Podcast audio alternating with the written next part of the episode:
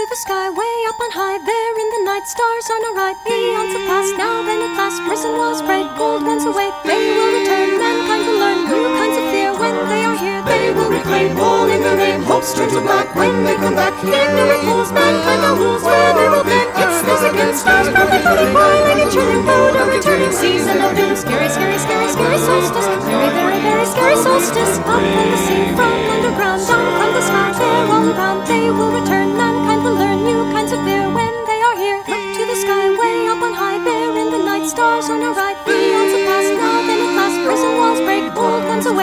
This will reign, terror and pain, woes without end, where they extend. The miracles bend on the rules, where till the death, planets against times, badly turning on the true mode, a returning season of doomsday. Scary, scary, scary, scary, scary, scary, scary, scary, scary, scary, scary, scary, scary, scary,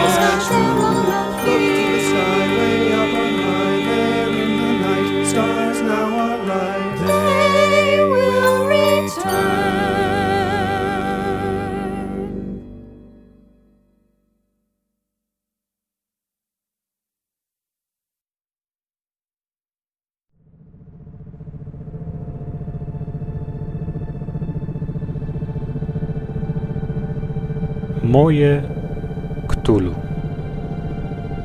Latarnia morska.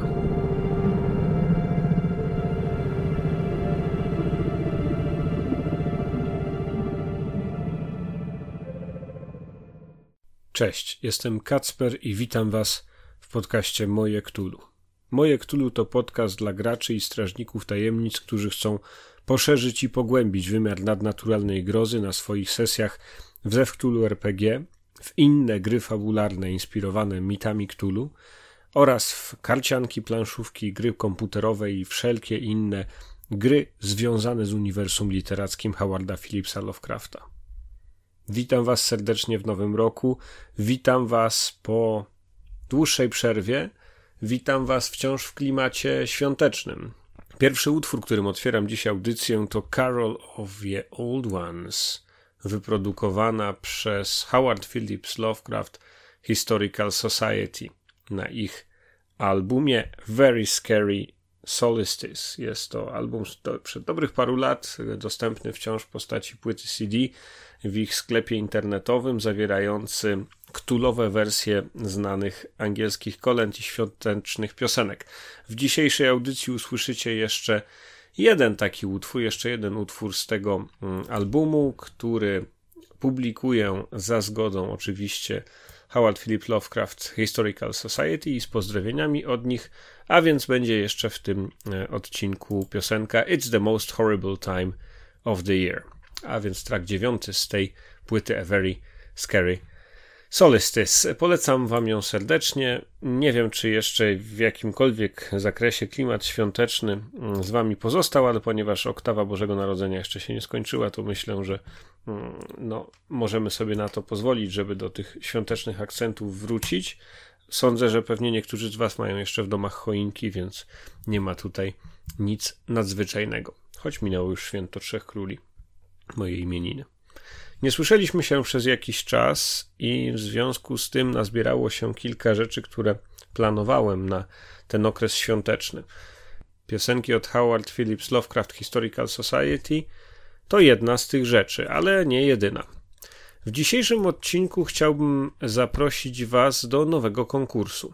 Tym razem konkurs świąteczno-noworoczny poświęcony jest księgom zakazanej wiedzy, tomom mitów Cthulhu, woluminom, które niszczą poczytalność, woluminom, które zawierają zakazaną wiedzę.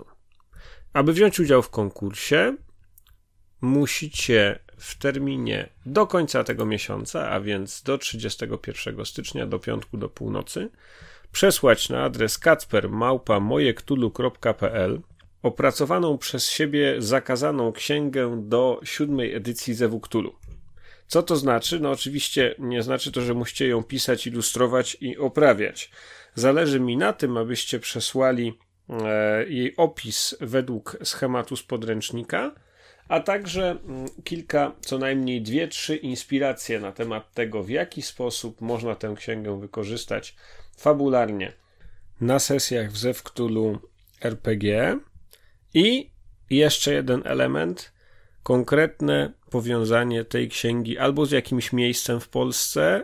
Mówimy o Polsce w granicach zarówno dzisiejszych, jak i przedrozbiorowych i z lat dwudziestych z miejscem lub z postacią historyczną, która wydaje Wam się mm, być e, w ciekawy sposób powiązana z tą, z tą księgą. Jeśli chodzi o mm, format, to tak jak e, wspomniałem, obowiązkowym elementem są te standardowe informacje na temat Księgi Wiedzy Nadprzyrodzonej, opisane w podręczniku do Zewu Cthulhu. W polskim wydaniu jest to strona 248. Musi więc poza e, tytułem i informacją, w jakim języku i kiedy ta księga została sporządzona, znaleźć się tam krótkie, kilkuzdaniowe wprowadzenie. Co to jest za księga, o czym ona jest e, i gdzie jest przechowywana. Informacja na temat tego, jaka utrata poczytalności grodzi za przeczytanie tej księgi. Informacja o przyroście mitów Ktulu, dzięki lekturze tego tomu. Wskaźnik mitów, czyli procentowa szansa na znalezienie przydatnego odwołania w danej księdze E, ile czasu zajmuje jej przestudiowanie i lista zakręć mm, sugerowanych.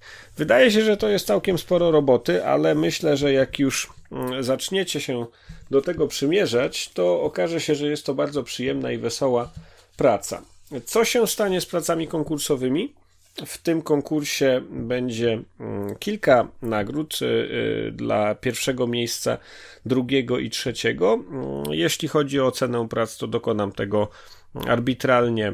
Ja sam, analizując e, je pod kątem oryginalności oraz pod kątem tego, e, w jaki sposób ta inspiracja historyczna, czy to powiązanie historyczne jest mm, e, intensywne i jak bardzo ono jest dla mnie przekonujące. Są więc trzy mm, miejsca do wygrania. Odnośnie publikacji tego, mm, tej księgi, informacji o niej, niczego na tym etapie nie deklaruję. Jeżeli miałaby ona nastąpić w jakimś późniejszym terminie, to będę się kontaktował z autorami, żeby uzgodnić z nimi mm, wszystkie kwestie licencyjne, w tym kwestie licencyjne związane z licencją po prostu Chaosium, bo nie można sobie tak po prostu publikować e, zakazanych ksiąg w tym formacie. Musiałoby się to odbywać w ramach jakiegoś przedsięwzięcia, prawdopodobnie w Miskatonic Repository. Mniejsza o to. W każdym razie, e, również jeśli chodzi o prawa autorskie wasze, to e, nie będę publikował tych e, ksiąg bez i waszej wyraźnej zgody i opracowania tego. Przejdźmy do nagród, ponieważ one w tym konkursie są naprawdę niebagatelne. Dzięki patronatowi wydawnictwa Black Monk, wydawcy polskiego wydania Zewu Cthulhu RPG, w ramach pierwszego miejsca w tym konkursie można wygrać jako nagrodę podręcznik do Zewu Cthulhu, czyli Księgę Strażnika, polskie jej wydanie. Fizycznie podręcznik ten przeznaczony na nagrodę jest już w moich rękach, więc nie będziecie musieli na to długo czekać, na wysyłkę po rozstrzygnięciu tego konkursu. Co jeszcze dostanie zwycięzca za pierwsze miejsce? Ano e, od Daniela Czarneckiego ze studia 3D Hobby statuetkę Wielkiego Ktulu, inspirowaną tym przedstawieniem, które pojawia się w opowiadaniu Zew Ktulu Howarda Phillipsa Lovecrafta, elegancko wydrukowaną na drukarce 3D w kolorze zielonym, zielonym filamentem, a także również wydrukowany w 3D e, ołtarz, który może służyć jako skrytka na kości i kilka figurek przedstawiających koszmarne abominacje, potwory ze świata mitów Ktulu. Przyznacie, że to nie mało, ale to nie wszystko. Od Marcina z Arkham Radio, Marcina twórcy projektu specjalnej muzyki ambientowej inspirowanej klimatami Howarda Phillipsa Lovecrafta, który to mm, projekt był e, z sukcesem sfinansowany ponad rok temu na Kickstarterze. Dla zwycięzcy za pierwsze miejsce również e, kupon umożliwiający bezpłatny dostęp do biblioteki właśnie tej ambientowej muzyki Arkham Radio. Przyznacie, że pula nagród za pierwsze miejsce jest imponująca. Myślę, że jest to bardzo, bardzo atrakcyjny pod tym względem konkurs. Nie wiem, czy coś podobnego albo porównywalnego w tej chwili e, można znaleźć w necie i taka okazja nieprędko się powtórzy, dlatego że partnerzy tego konkursu byli wyjątkowo hojni. Również drugie i trzecie miejsce to wiążą się z konkretnymi nagrodami. Jeśli chodzi o miejsce drugie, to jest to statuetka Wielkiego Ktulu e, od studia 3D Hobby i ołtarz e, również wydrukowany e, w technologii druku 3D i oraz kupon do Arkham Radio.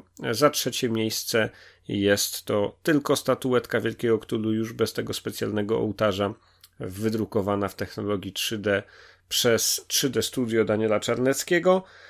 I jeszcze raz kupon na Bandcampa do muzyki ambientowej Arkham Radio. Są to trzy miejsca. Jeżeli e, będą prace e, naprawdę inspirujące, naprawdę imponujące, to myślę, że pojawią się również jakieś wyróżnienia i pomyślimy wtedy o jakiejś formie mm, zaakcentowania tych wyróżnień. Natomiast te nagrody związane z pierwszym, drugim i trzecim miejscem mam nadzieję, że Was zachęcą do udziału w konkursie. Dla przypomnienia, e, żeby wziąć w nim udział, trzeba na adres kaspermałpa.mojektulu.pl wysłać jako załącznik do maila opis mm, księgi zakazanej wiedzy, właśnie mrocznego woluminu ze świata mitów Ktulu, rozpisany według schematu z podręcznika dla e, zakazanych ksiąg oraz zawierający jeszcze informacje o tym, jak fabularnie można tę księgę wykorzystać na sesji e, w Zewie Ktulu i dodatkowo powiązanie z jakąś postacią historyczną lub z jakimś miejscem w Polsce, w Polsce w jej granicach aktualnych lub w jej granicach historycznych. Zapraszam Was serdecznie, zachęcam do wzięcia udziału w tym konkursie i cieszę się, mam nadzieję, że licznie do niego przystąpicie i będę miał o czym opowiadać, jeśli chodzi o Wasze prace. Z wielką przyjemnością będę też wysyłał nagrody. Co tymczasem w dzisiejszej audycji? Och, ta dzisiejsza audycja była już dawno temu zapowiedziana. Miała być to audycja inspirowana moim spotkaniem z filmem The Lighthouse, z takim horrorem, który niedawno był na ekranach kin, a pewnie gdzie niegdzie jeszcze nadal można go obejrzeć. Film w reżyserii Roberta Eggersa miał swoją premierę pod koniec listopada i jest to film dość niesamowity, nakręcony w nietypowym formacie e, w proporcjach 4 do 3. Jest czarno-biały, ma on dwóch bohaterów, e, których grają Robert Pattinson i William Dafoe. Film naprawdę nieprawdopodobny, hipnotyzujący swoją niezwykłą poetyką, nakręcony w sposób no, wybitny artystycznie opisujący spotkanie i zmagania dwóch latarników, którzy gdzieś w starej latarni morskiej położonej na krańcu świata, w, otoczeni przez duchy, stworzenia z mitów, wytwory własnej wyobraźni, osuwający się powoli w obłęd i osuwający się w związaną z tym obłędem przemoc, próbują przetrwać w swoim e, towarzystwie i doczekać zmiany w tej latarni. Jak ten film się kończy, to przekonajcie się sami. On został okrzyknięty filmem w klimatach Lovecraftowskich. No, rzeczywiście, można byłoby tutaj coś takiego zdekodować. Dla mnie samo pojawianie się macek na ekranie jeszcze nie determinuje tego, że film jest Lovecraftowski, choć dla wielu oczywiście to jest ewidentny znak, że mamy do czynienia z mitami Cthulhu. W tym e, filmie wątki mityczne, ale mitów greckich są równie ważne, jeśli nie ważniejsze.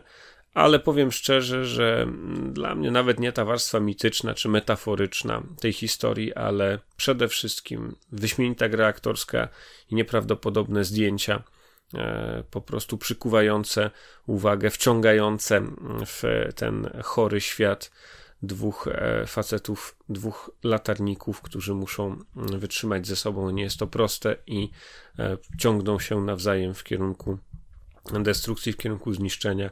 Jest to film naprawdę godny polecenia. Obejrzyjcie go sobie. Mm, mówię o tym dlatego, że nie będę go w dzisiejszej audycji recenzował. Wolałbym, e, pozostając w klimacie latarni morskiej, przedstawić Wam recenzję czegoś, co bardziej bezpośrednio możecie wykorzystać na swoich sesjach, a więc dodatku do Zewu Cthulhu wydawnictwa New Comet Games, wydanego na licencji Chaosium scenariusza A Star on the Shore, który jest scenariuszem sandboxowym, wydanym mm, e, no, dobre dwa lata temu.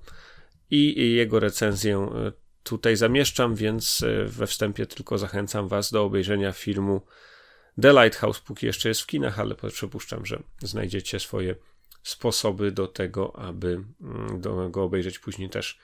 E, na pewno pojawi się na jakimś VOD. Co jeszcze w tym wydaniu? Poza tradycyjną porcją newsów musi być oczywiście Ktulu w Polsce. Ktulu w Polsce w tym spotkaniu, w tej audycji to historia przylądka Rozewie, latarni morskiej, który jest na nim położony, a także dalszych okolic Rozewia położonych w kierunku północnym, a więc położonych na morzu. Jak chcecie dowiedzieć się więcej, to już za parę minut usłyszycie o tym w Ktulu w Polsce. Tymczasem myślę, że nie ma co bardziej przedłużać.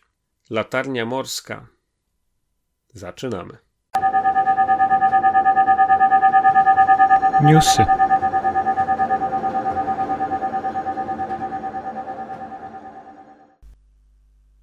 Trochę więcej czasu niż zwykle upłynęło od ostatniego wydania newsów. Także w dzisiejszej audycji mam dla Was bardzo dużo wiadomości, bardzo dużo informacji na temat ważnych wydarzeń wydawniczych, nie tylko wydawniczych, ze światów gier związanych z mitami Cthulhu. Ponieważ e, tak dużo tego materiału się zebrało, to w tym wydaniu nie będzie ani wieści z Kickstartera, ani podsumowania Miskatonic Repository nowości, ani nie będzie też e, aktualizacji, jeśli chodzi o to, co słychać na kanałach YouTube'owych. Przepraszam wszystkich, którzy na to czekali, ale mm, myślę, że jeśli posłuchacie uważnie tego, co mam Wam do powiedzenia e, w tych newsach, to będziecie i tak bardzo ukontentowani, bo naprawdę mnóstwo nowych e, rzeczy się wydarzyło przez ostatni miesiąc czy od świąt i wiele, wiele, wiele. No zresztą przejdźmy do sedna. Na pierwszy ogień idzie oczywiście porcja wiadomości, które przekazała nam Daria Pilarczyk z wydawnictwa Black Monk Games podczas live'a 15 stycznia. Są to bardzo ważne informacje dla wszystkich, którzy czekają na mm, nowości wydawnicze od polskiego wydawcy Zewu Cthulhu, także słuchajcie uważnie. Pierwsza zapowiedź dotyczy podręcznika badacza, którego możemy spodziewać się jeszcze wiosną, e, prawdopodobnie na przełomie marca i kwietnia.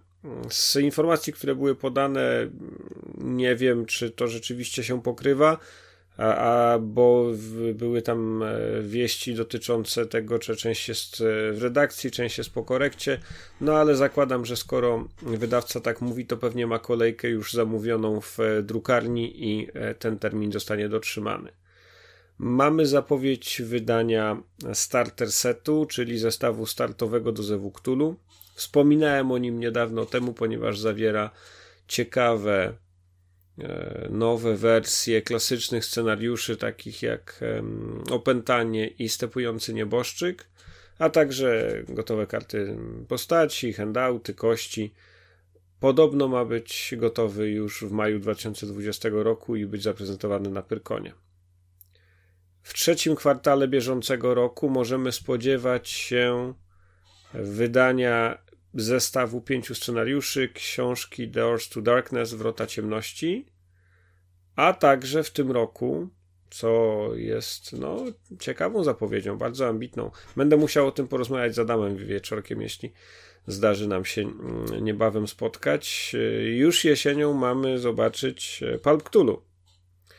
E, być może również wzbogacony o dodatkowy scenariusz e, osadzony w Polsce lat 30. Jest też informacja na temat mm, zaplanowanego, przełożonego terminu startu kampanii crowdfundingowej na wydanie masek dla Totepa, które mają ukazać się w 2021 roku, a kampania ma ruszyć w Halloween na koniec października 2020 roku. Zgodnie z informacją od Darii Pilarczyk będzie to droższe wydanie, droższa przygoda, droższe przedsięwzięcie niż wydanie podstawki, czyli Księgi Strażnika. Mamy także informację o tym, że na święta 2020 roku ma się ukazać, czyli na Boże Narodzenie za niecały rok ma się ukazać Maleus Monstrorum, czyli wspaniały bestiariusz, nad którego nowym wydaniem pracuje obecnie Chaosium. Ja bym tutaj w ogóle nic sobie nie obiecywał, bo to jest jeszcze uzależnione od terminu wydania przez, przez Chaosium. E, a jak to z tym bywa, to wszyscy wiedzą czasami bardzo różnie. I A Cold Fire Within, zbiór scenariuszy do Pulp Cthulhu jest zapowiedziany za rok, w pierwszym kwartale 2021 roku. Jego polskie wydanie, e, tam polski akcent jest już i w angielskim wydaniu oryginalnym, bo okładka jest autorstwa naszego rodaka. Czy e, ten Cold Fire Within się wtedy ukaże? Mam nadzieję, że tak. E, prosiliście mnie niedawno o recenzję tego dodatku, więc niebawem zwrócę się do Chaosium o egzemplarz recenzencki, żeby móc Wam go trochę przybliżyć, żebyście wiedzieli na co czekać, czego się spodziewać. To podsumowanie live'a przygotowałem na podstawie postu e, na fanpage'u facebookowym RPG.pl RPG w Polsce i mam nadzieję, że mm, żadnych przekłamań i oczywiście na podstawie też obejrzenia tego live'a mam nadzieję, że żadnych przekłamań tutaj nie ma. No to teraz newsy międzynarodowe. Zacznijmy od e, Delta Green, a więc od innego niż ze Cthulhu systemu RPG osadzonego w światach Lovecraftowskich. Tradycyjnie jego wydawca zorganizował tak zwany Shotgun Scenario Contest. Jest to konkurs na e, krótkie scenariusze o niedużej objętości. W tym roku wpłynęły 33 scenariusze w tym konkursie i niebawem powinniśmy poznać zwycięzcę. E, I dalej pozostając w obszarze Delta Green, mamy pewnego rodzaju sugestie, czy, czy takie mini przecieki od Denisa Detweilera, jednego z twórców oryginalnej wersji tej gry w latach 90., że kto wie, kto wie, być może możemy doczekać się ekranizacji, a więc filmu albo serialu opartego na E, i fabularnych wątkach i całym tym settingu Delta Green. Na razie wiadomo o tym bardzo, bardzo niewiele. Na pewno byłaby to produkcja amerykańska, z tego co można się dowiedzieć z tych sporadycznych informacji twitterowych. Czy do tego dojdzie, tego nie wiemy, no ale myślę, że dla wszystkich jest to jasne, że tego typu produkcja, która bazowałaby dosłownie na świecie gry fabularnej Delta Green, na pewno napędziłaby nieźle e, biznes, jeśli chodzi o nowe wydania, nowe dodatki, e, zarówno w Delta Green, jak i we wszystkich grach Lovecraftowskich, jak podejrzewam. Co tymczasem jeszcze, jeśli chodzi o ciekawostki wydawnicze? Zew Cthulhu RPG ukazał się niedawno po japońsku. Jeżeli kolekcjonujecie wydania różnojęzyczne, to warto również się w to japońskie wydanie zaopatrzyć, choć jest ono nie tanie. Chaosium natomiast zaproponowało nam dwa mm, ciekawe tomy w ostatnim czasie. Nowe wydanie scenariusza Deadlight, znanego wcześniej, e, teraz zostało rozszerzone o mm, dodatkowe opcje i dodatkowe e, mini przygody oraz wydanie E, książeczki Refractions of Glaston, która powstała w dość niesamowitych okolicznościach. Wspominałem o tym dawno, dawno temu, że Chaosium w partnerstwie z Taylor University było patronem kursu pisarskiego na tej uczelni, w ramach którego studenci pisali scenariusze do RPG. I e, owoce tego eksperymentu, owoce tego projektu już się ukazały. Można na Drive RPG to Reflections of Glaston, tę książeczkę zakupić. Mamy nowe wydanie fanzinu Blasphemous Stone. Fanzin Blasphemous Stone ukazuje się wydawany przez e, trzech dżentelmenów stojących za podcastem The Good Friends of Jackson Elias, czyli Paula Frickera, Scotta Dowarda i Mata Sandersona. Nowe wydanie liczy 46 stron. Ja je otrzymałem e, podobnie jak otrzymują je wszyscy, którzy są mm, wspierającymi tego podcastu na Patreonie. W tym wydaniu jest kilka mm, drobniejszych form publicystycznych i jedna dłuższa przygoda autorstwa Mata Sandersona, dziejąca się współcześnie i nosi na tytuł Number 22. No, rozgrywa się w domu pod numerem 22. Jeśli chodzi o wydania, to mamy też ważne rozstrzygnięcie dotyczące Open Cthulhu. Nie wiem, czyście w ogóle słyszeli o Open Cthulhu. E, to jest projekt, e, który nie tak dawno wywołał spore kontrowersje, ponieważ jego twórcy dość, e, mm, powiedziałbym, niefrasobliwie podeszli do kwestii związanych z copyrightem i postanowili wydać nową grę RPG, która będzie nazywała się Open Cthulhu na otwartej licencji, na Open Gaming License. Ich niefrasobliwość polegała przede wszystkim na tym, że mm, zamiast kontaktować się normalnie z Chaosium i konsultować z nimi e, pewne kwestie, wiedząc, że stąpają po śliskim gruncie, dlatego że mechanika Basic Role Playing Game nie jest mechaniką otwartą, e, a oni bazowali na czymś bardzo, bardzo podobnym i również jeśli chodzi o szatę graficzną, to odwoływali się bardzo konkretnie. Nie wiem, czy w ogóle potrzebnie, no ale, ale widać taki był ich zamysł do pewnych rozwiązań znanych z podręczników Chaosium. Była na tym tle mała awantura na, na forum Joxotos. Były pogróżki, były różnego rodzaju zapowiedzi, wymowne milczenia, ale wiemy już teraz, że ona się ukazała, że kontrowersje z wydawnictwem zostały zażegnane i że w ogóle Chaosium planuje niebawem wydanie otwartej wersji na otwartej licencji gamingowej swojej mechaniki Basic Role Playing znanej nie tylko z Zewuktula, ale także między innymi z RuneQuesta. Mamy także, jeśli chodzi o mm, e, wydawnicze nowości, nowy projekt wydawnictwa Stygian Fox. Thorston, The Shunt Town on Dee. Jest to suplement opisujący miejscowość e, w Anglii e, do wiktoriańskich settingów ktulowych, e, do ktulu w świetle gazowych latarni, kompatybilny z siódmą edycją i z większym suplementem Hudson and Brand Inquiry Agents of the Obscure.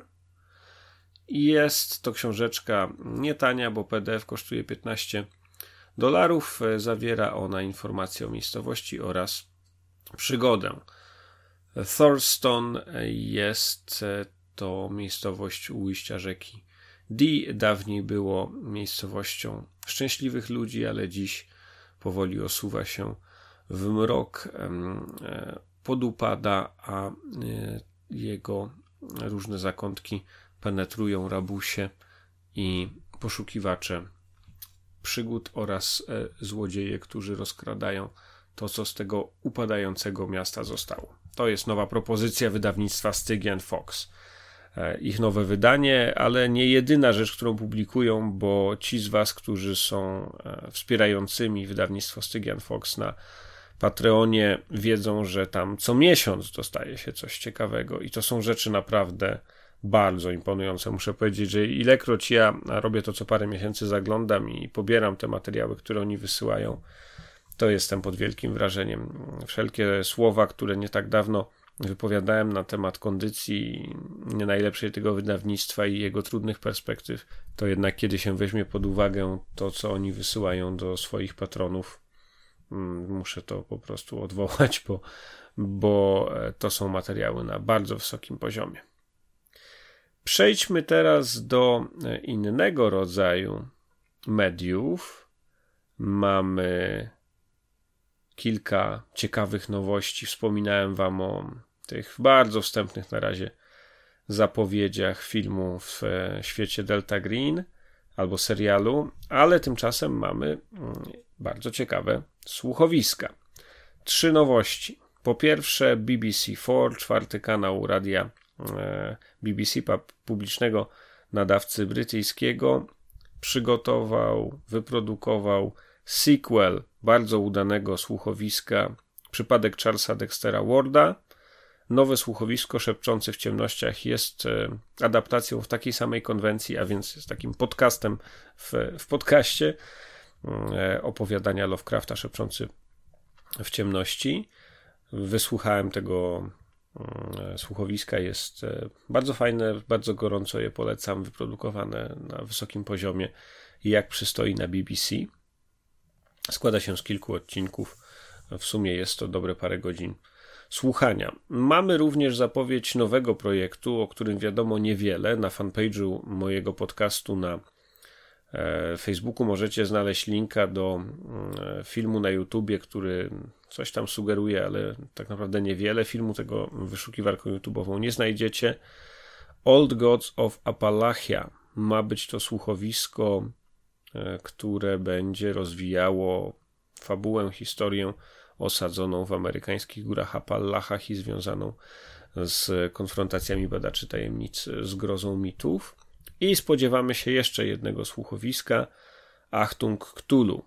E, mamy zapowiedź, że Modifuse e, przewiduje niebawem wydanie słuchowiska w tym settingu, które będzie dotyczyło e, historii wczesnowojennych w, na terytorium Belgii. I jeszcze dwie nowości filmowe. W materiale wyemitowanym przez HBO, zawierającym skróty i migawki z e, seriali, którymi mają zamiar uraczyć nas w nowym roku. Widzieliśmy pierwsze kadry, pierwsze ujęcia z serialu HBO e, Lovecraft Country. Myślę, że to jest coś, na co wszyscy czekamy i każdy będzie chciał zobaczyć, mm, jak nowy serial Lovecraftowski będzie wyglądał. Ale nie jedyny, bo z tego co e, wiadomo, to okazuje się, że również twórcy gry o Tron zostali zakontraktowani do wyprodukowania Lovecraftowskiego serialu. Jest, nie jest to ten sam serial, jest to osobna produkcja, także na przestrzeni najbliższych lat możemy spodziewać się ciekawych nowości. Nie tylko Wiedźmin, ale również będzie jakiś e, nowy Lovecraftowski serial. I w tym roku, w 2020 i, i pewnie w roku kolejnym, kiedy ten drugi projekt, o którym wspominałem, dojdzie do skutku.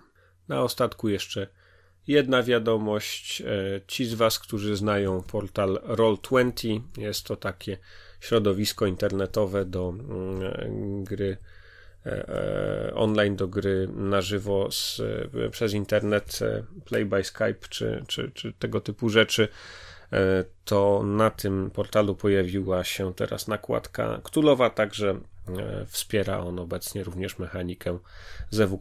Jeżeli chcecie grać na Roll20 z graczami i strażnikami tajemnic z innych rejonów świata, to możliwość już teraz pojawiła się robienia tego na pełnej oficjalnej mechanice Zewu Cthulhu. Tyle tytułem newsów. W kolejnej audycji wrócę do e, kwestii fanowskich, a więc do tego, co słychać na polskich fanałach YouTube'owych e, i e, także do nowości z Miskatonic Repository, ale na to musicie poczekać jeszcze dwa tygodnie.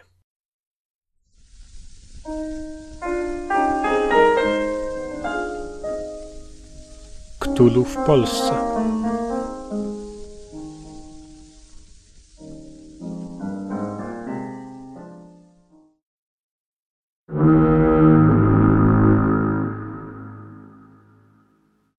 Przylądek Rozewie to jest takie miejsce w mojej osobistej pamięci, które funkcjonuje tam od w zasadzie najwcześniejszych lat, dlatego że ja przez wiele, wiele lat spędzałem wakacje, mm, przynajmniej jakiś tam tydzień czy dwa, we Władysławowie, w Cetniewie i spacery w stronę Rozewia, odkąd pamiętam, były częścią właśnie tych e, letnich wakacyjnych rytuałów w stronę, a w końcu i po prostu do Rozewia, na górę do latarni morskich, e, do tego przylądka, gdzie zawsze było pusto, gdzie, gdzie rzadko kogokolwiek się spotykało, a odkąd wzmocniono tam wybrzeże takimi strukturami betonowymi i kiedy stoi się na nich patrząc w morze, to stało się to miejsce nie tylko samotne, nie tylko owiane wiatrem, ale jeszcze w pewien sposób posępne. Miejsce, które nieraz, kiedy tam stałem w, na przestrzeni ostatnich 20 lat, nasuwało mi pewne skojarzenia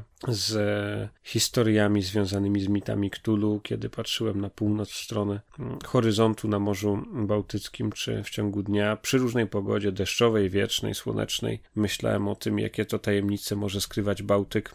No i proszę o to minęły lata i ja nagrywam dziś w podcaście Moje Ktulu fragment audycji poświęcony temu jakże ciekawemu miejscu. Przylądek Rozewie przez wiele lat uchodził i myślę, że nawet częściowo nadal uchodzi za najdalej wysunięty na północ punkt Polski. W rzeczywistości zdaje się, że ten punkt linii brzegowej najdalej na północ skierowany znajduje się w Jastrzębiej Górze.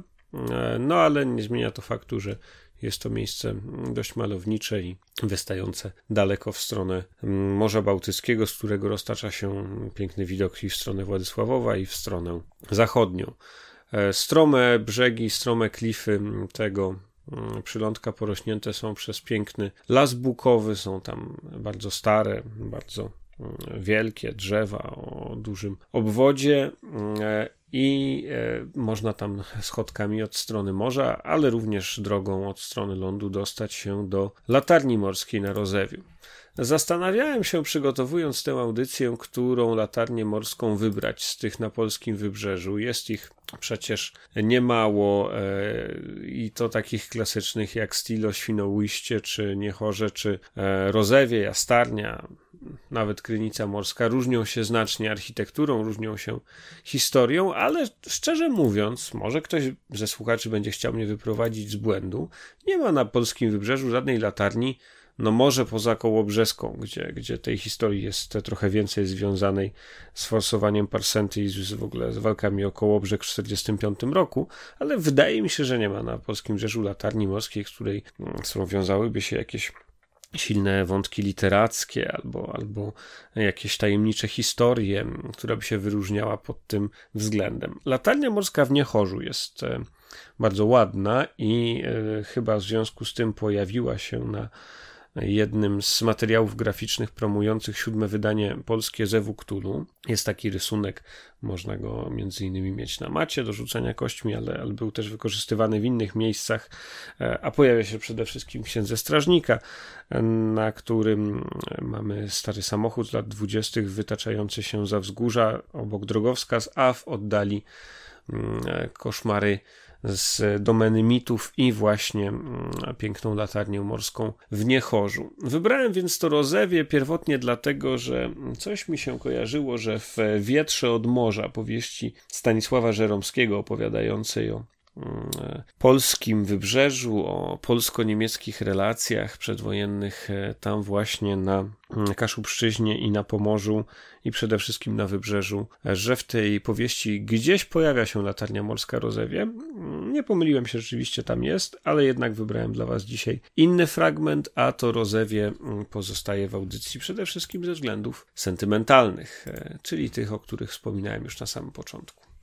Latarnia morska mm, Rozewie to przede wszystkim kojarzy się wszystkim z tym biało-czerwonym budynkiem, który tam stoi, który nadal funkcjonuje i od 1910 roku jest podstawową latarnią, główną latarnią właśnie na Rozewiu. Niedaleko niej położona jest mniejsza latarnia. Ona jest stara w tym sensie, że nie świeci, ale nazywa się nową latarnią, bo ona była uruchomiona w 1875 roku e, i funkcjonowała do roku 1900 dziesiątego równocześnie ze starą latarnią rozlewską, czyli z tą dużą, która dziś funkcjonuje. Jest tam też budynek, mm, w którym znajduje się już dziś nieużywany, już dziś wyszło to zupełnie z użycia, taki buczek mgłowy, e, który wydawał sygnały akustyczne ostrzegające statki w warunkach bardzo ograniczonej widzialności, e, kiedy nie widać dobrze światła latarni morskiej, o tym, e, że tutaj właśnie przyrządek Rozewie i latarnia e, Rozewie 1 e, się znajduje. Charakterystyka światła tej latarni jest, e, myślę, wszystkim, którzy pływają po Bałtyku, tam po tej jego części dobrze znana. Jest to światło błyskowe, które trwa jedną dziesiątą sekundy i pojawia się co niecałe 3 sekundy, także okres tej latarni wynosi 3 mm, sekundy. I z tą latarnią związana jest też jedna postać historyczna, postać Leona Wzorka, mm, słynnego długoletniego latarnika mm, w okresie międzywojennym. Mm, Leon Wzorek e, to członek rodziny Wzorków, którzy w tę całą latarnię prowadzili do 1980 roku, ale była to rodzina e, normalna, dobrze żyjąca, e, zasłużonych ludzi, a nie tacy patologiczni bohaterowie jak w filmie latarnia morska, czyli The Lighthouse, którym, o którym wspominałem Wam na początku tego odcinka. Rodzina wzorków e, pełniła funkcję latarników na Rozewiu do 1980 roku.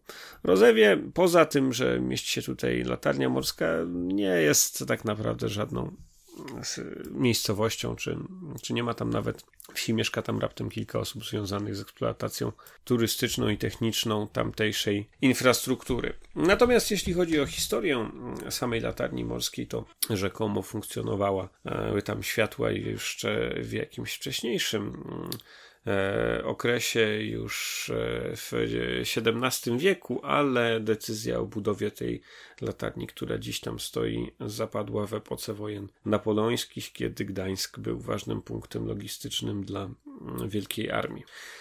Co jeśli chodzi o mm, historię Rozewia? No, możecie poznać ją oczywiście z wielu źródeł. Jest to historia mm, pokojowa, bez e, żadnych specjalnych zdarzeń, e, które wymagałyby interpretacji czy opowiedzenia. Natomiast e, przylądek Rozewie to nie jest wyłącznie sama latarnia i on jest również punktem orientacyjnym dla pewnych ciekawych miejsc geograficznych położonych na północ od niego. Tak, dobrze słyszycie, mówię o miejscach położonych na północ od latarni morskiej i od przylądka Rozewie, czyli o e, właśnie tej strefie morza terytorialnego i dalej polskiej strefie ekonomicznej na Bałtyku, w tym rejonie, gdzie zlokalizowana jest e, infrastruktura zupełnie innego rodzaju, a mianowicie pole naftowe w koncesji B3 eksploatowane przez e, polską spółkę Lotos Petrobaltic. Jest to pole naftowe na morzu, na którym stoją obecnie dwie platformy wiertnicze, w tym bardzo duża, imponująca japońskiej produkcji platforma mm, Giant Lotos Petrobaltic, która mm, została zakupiona w Danii e, w, przez polską spółkę Lotos w tym roku i przypłynęła na to mm, pole naftowe e, tuż przed Bożym Narodzeniem 22 grudnia 2019 roku. Jest to naprawdę spora budowla, bo, bo prawie taki kwadrat to w wymiarach mniej więcej 80 na 90 metrów, e, stojący na 160-metrowych nogach, e, dużym potencjale eksploatacji ropy naftowej. Oczywiście, jeśli nie wiedzieliście do tej pory, że polski Lotos e, wydobywa ropę na Bałtyku, no to od razu uprzedzam, że wydobycie to chociaż jest ważne biznesowo dla Lotosu i jest też w pewnym sensie jakoś tam strategicznie ważne dla, e, dla Polski, jeśli chodzi o źródła energetyczne, to ono nie jest duże, bo choć Lotos Petrobaltic wydobywa łącznie mm, chyba 26 tysięcy baryłek ropy dziennie, to w skali zapotrzebowania krajowego nie jest to wielka ilość. Ale, ale nie o ekonomii i surowcach chciałem tu mówić, lecz o platformach wiertniczych, które e, właśnie na północ od Rozewia się mieszczą.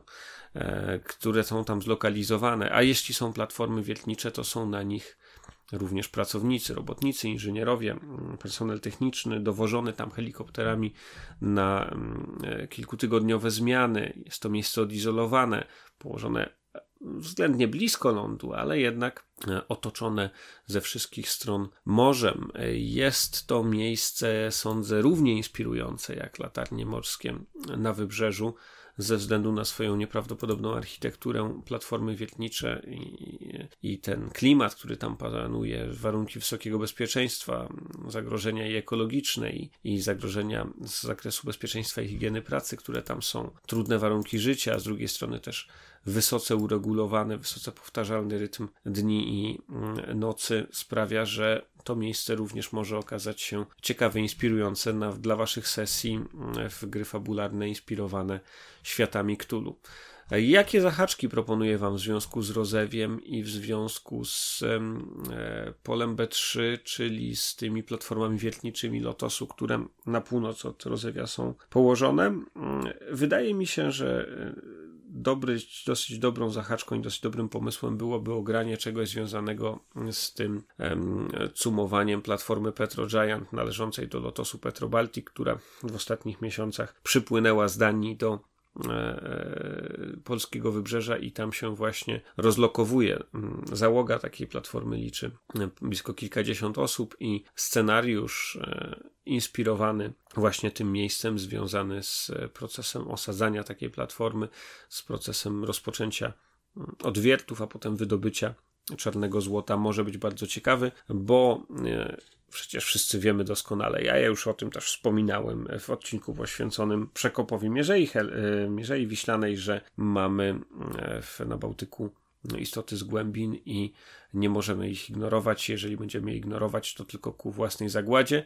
Natomiast ci, którzy o tym nie wiedzą i niefrasobliwie rozpoczynają kolejne przedsięwzięcie wydobywcze bez konsultacji z klanami hybryd istot z głębin żyjącymi w Trójmieście i w miejscowościach środkowego i e, wschodniego Pomorza, sami proszą się o kłopoty. Potrzebni są badacze tajemnic, którzy czy wyjaśnią kwestię zaginięć robotników, czy zapobiegną rytuałowi, który ma na tej mm, platformie wiertniczej Petro Giant się odbyć. Tak czy inaczej, pozostawiam to waszej wyobraźni, jak dokładnie ogracie to w swoim scenariuszu. Warto jednak pamiętać, że oba te miejsca, zabytkowa, historyczna latarnia morska na przylądku Rozewie i e, platforma wiertnicza, platformy wiertnicze położone na tej koncesji B3 na Bałtyku oddalone są od siebie o raptem o kilkanaście mil morskich.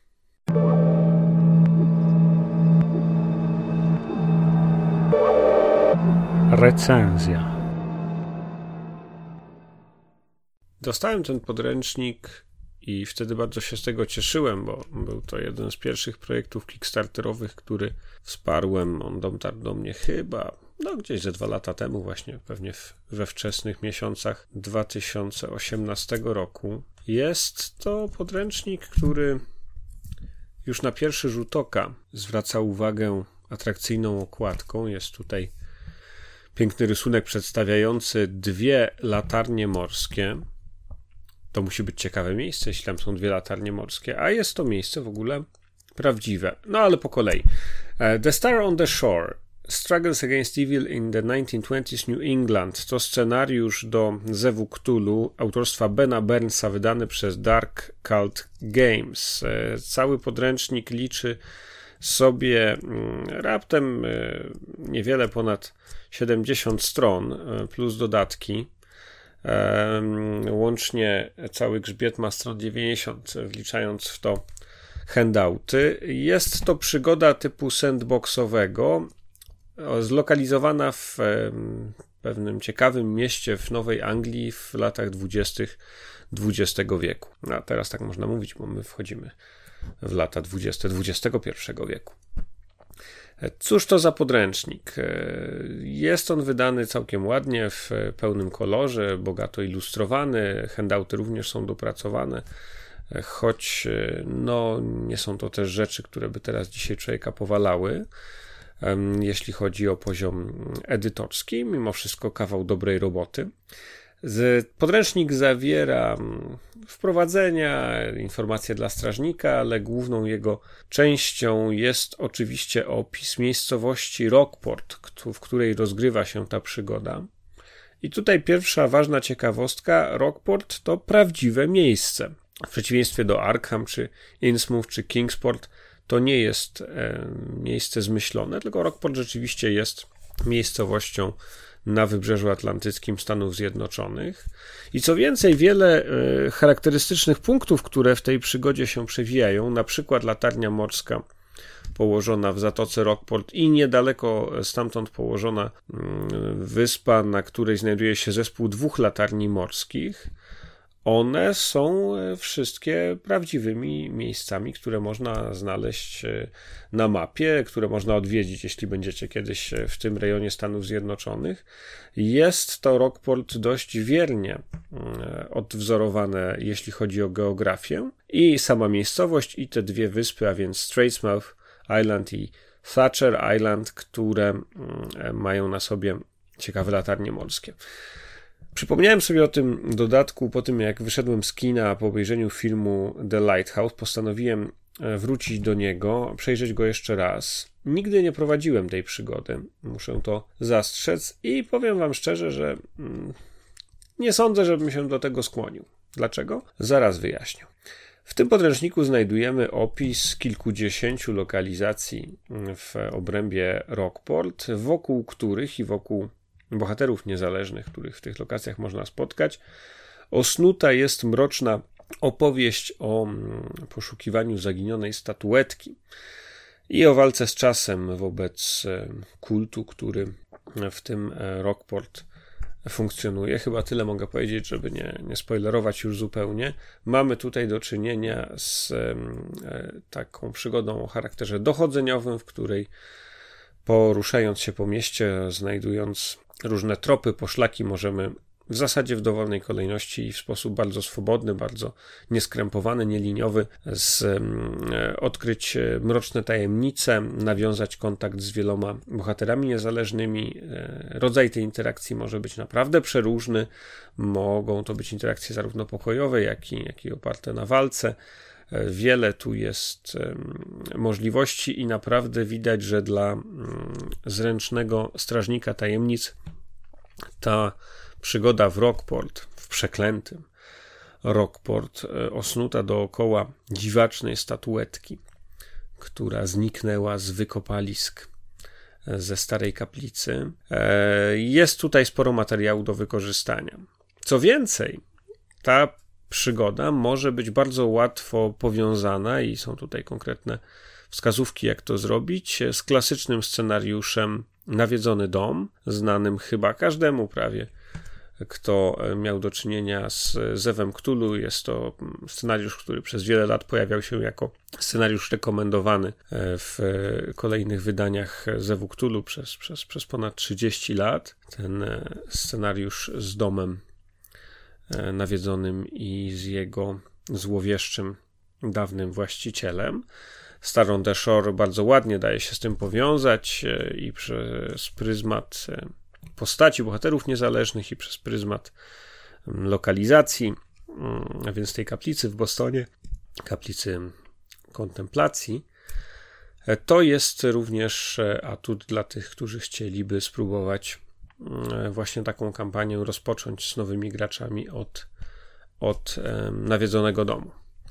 Ale e, te cechy pozytywne, które wyliczam, niestety nie rekompensują największej wady tego podręcznika i nie, nie są w stanie też tego uczynić kolorowe mapy, e, nie jest w stanie tutaj pomóc e, bogaty i ciekawy program graficzny z e, różnorodnymi portretami BN-ów, z specjalnymi kodami kolorystycznymi wskazującymi na nastawienie bohaterów niezależnych do badaczy tajemnic.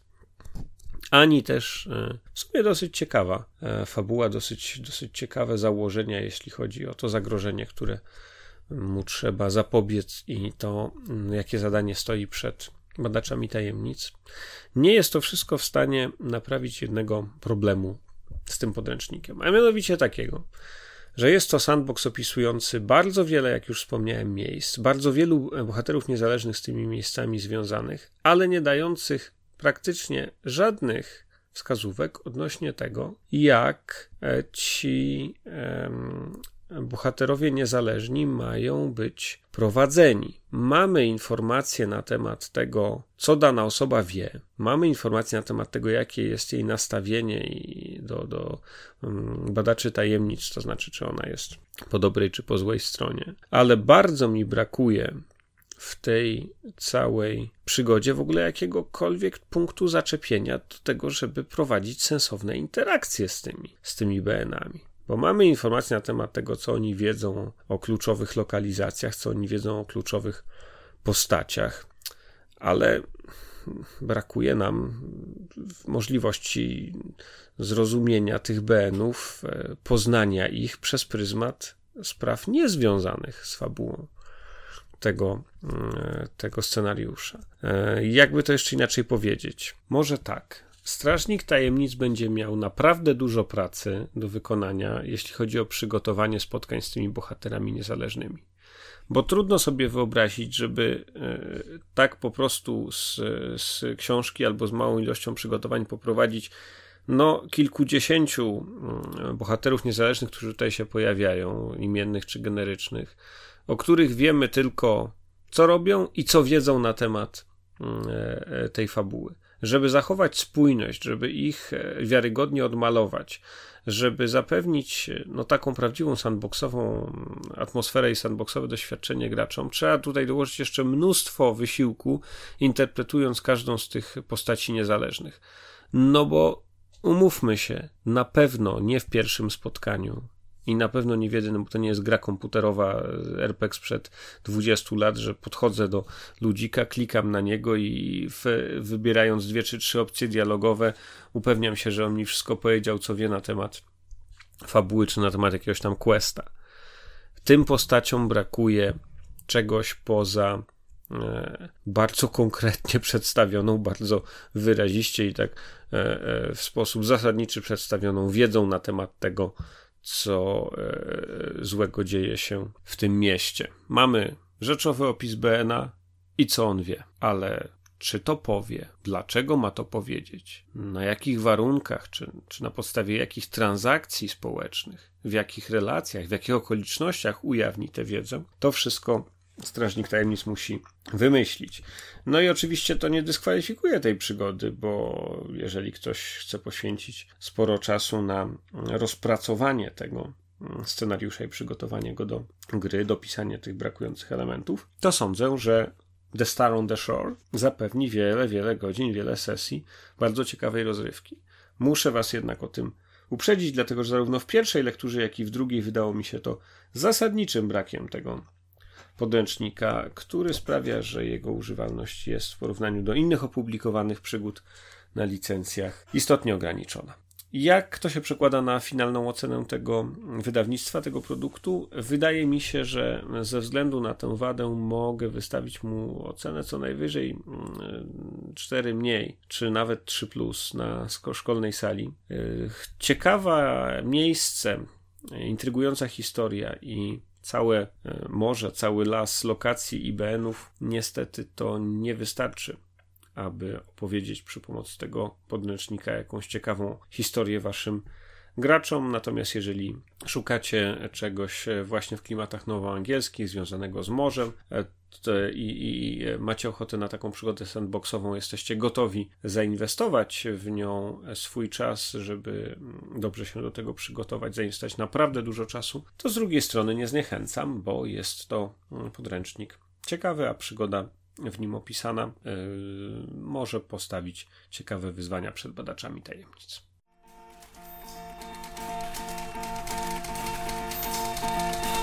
Biblioteka.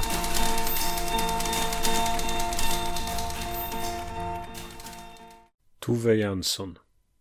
Tatuś Muminka i morze. Przełożyła Teresa Chłapowska. Wyspa ruszała się przez całą noc i cypel rybaka wysunął się nieznacznie w morze. Dreszcz po dreszczu wstrząsał kamienistym wzgórzem, jakby ciarki chodziły mu po grzbiecie, a czarne jeziorko zapadało się coraz głębiej w skały. Zdawało się, że coś je wsysa z bulgotem, jego powierzchnia to podnosiła się, to zniżała, nowe fale włamywały się z morza przez próg, tworząc błyszczący zielony wodospad – ale jeziorko wcale się nie napełniało, przeciwnie. Jego ciemne, lustrzane oko opadało coraz niżej, zostawiając dookoła brzegów frędzle wodorostów. Na plaży od zawiecznej strony małe myszy polne biegały tam i z powrotem nad brzegiem wody, a piasek usuwał im się spod łapek. Ogromne kamienie przewracały się ciężko, obnażając białe korzenie goździków morskich. Po świcie wyspa zasnęła. Drzewa docierały już do wzgórza z latarnią.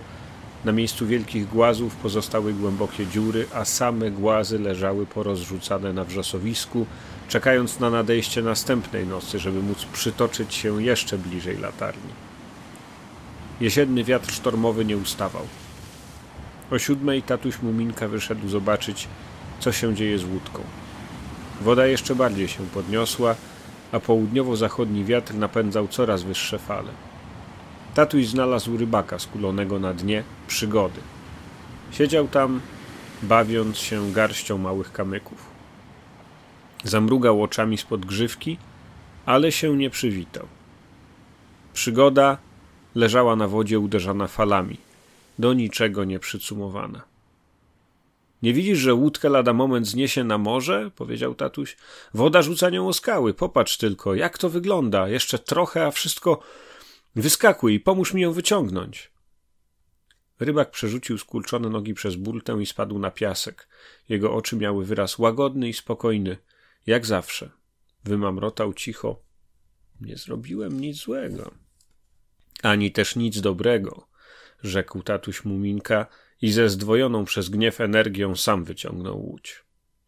Potem usiadł na piasku, sapiąc wysiłku, a właściwie na resztkach piasku, bo rozgniewane morze najwyraźniej chciało też zabrać piaszczysty brzeg i każdej nocy urywało z niego po kawałku. Tatuś spojrzał ponuro na rybaka i zapytał: Znalazłeś kawę? Ale rybak tylko się uśmiechnął. Coś z tobą nie jest w porządku, mruknął tatuś sam do siebie. Nie jesteś w ogóle istotą ludzką, jesteś raczej jak roślina czy cień. Tak jakbyś się nigdy nie urodził. Owszem, urodziłem się, odrzekł szybko rybak. Jutro są moje urodziny. Tatuś Muminka tak się zdziwił, że zaczął się śmiać. Ach, więc tak? To sobie przypominasz, powiedział. I masz urodziny. No, no, a ile lat skończysz?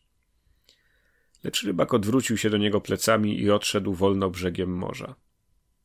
Tatuś Muminka zaczął iść z powrotem do latarni, bardzo zaniepokojony sytuacją na wyspie. Teren, na którym rósł las, całkiem opustoszał i pełno w nim było głębokich dziur, a przez wrzosowisko ciągnęły się długie bruzdy powstałe wskutek przesuwania się drzew ku latarni. Drzewa stały teraz nieruchomo, tworząc splątaną gmatwaninę strachu. Ciekaw jestem, co trzeba zrobić, żeby uspokoić wyspę. Pomyślał tatuś. Nie może tak być, żeby ona i morze stały się nieprzyjaciółmi. Tych dwoje musi żyć w zgodzie. Zatrzymał się. Coś niedobrego działo się na wzgórzu koło latarni. Znów to zobaczył. Bardzo nieznacznym ruchem skała drgnęła niczym skóra, po której przebiegł dreszcz. Kilka szarych głazów stoczyło się we wrzosy. Wyspa się budziła. Tatuś nasłuchiwał, drżąc podniecenia, słyszał bardzo słaby odgłos uderzeń. Zewsząd, z bardzo bliska, czuł je w całym ciele. Wydobywały się z wnętrza ziemi. Tatuś położył się we wrzosach i przywarł uchem do ziemi i wtedy usłyszał bicie serca wyspy. Daleko, głęboko, bardzo głęboko w ziemi, stłumione szumem bałwanów, biło serce wyspy. Miękko, głucho, miarowo. Wyspa żyje, pomyślał tatuś Muminka. Moja wyspa żyje tak samo jak drzewa i morze. Wszystko żyje. Powoli wstał. Jakiś mały świerczek pełzł spokojnie przez wrzosy niczym zielony falujący dywanik. Tatuś usunął mu się z drogi i stanął bez ruchu, całkiem zdrętwiały. Widział ruszającą się wyspę, żywą, skuloną na dnie ciemnego morza, nieprzytomną ze strachu. Strach jest okropną rzeczą, pomyślał tatuś. Może się nagle pojawić i ogarnąć wszystko dokoła, i kto wtedy weźmie w opiekę malutkie stworzonka, znajdujące się akurat w pobliżu? Tatuś Muminka zaczął biec.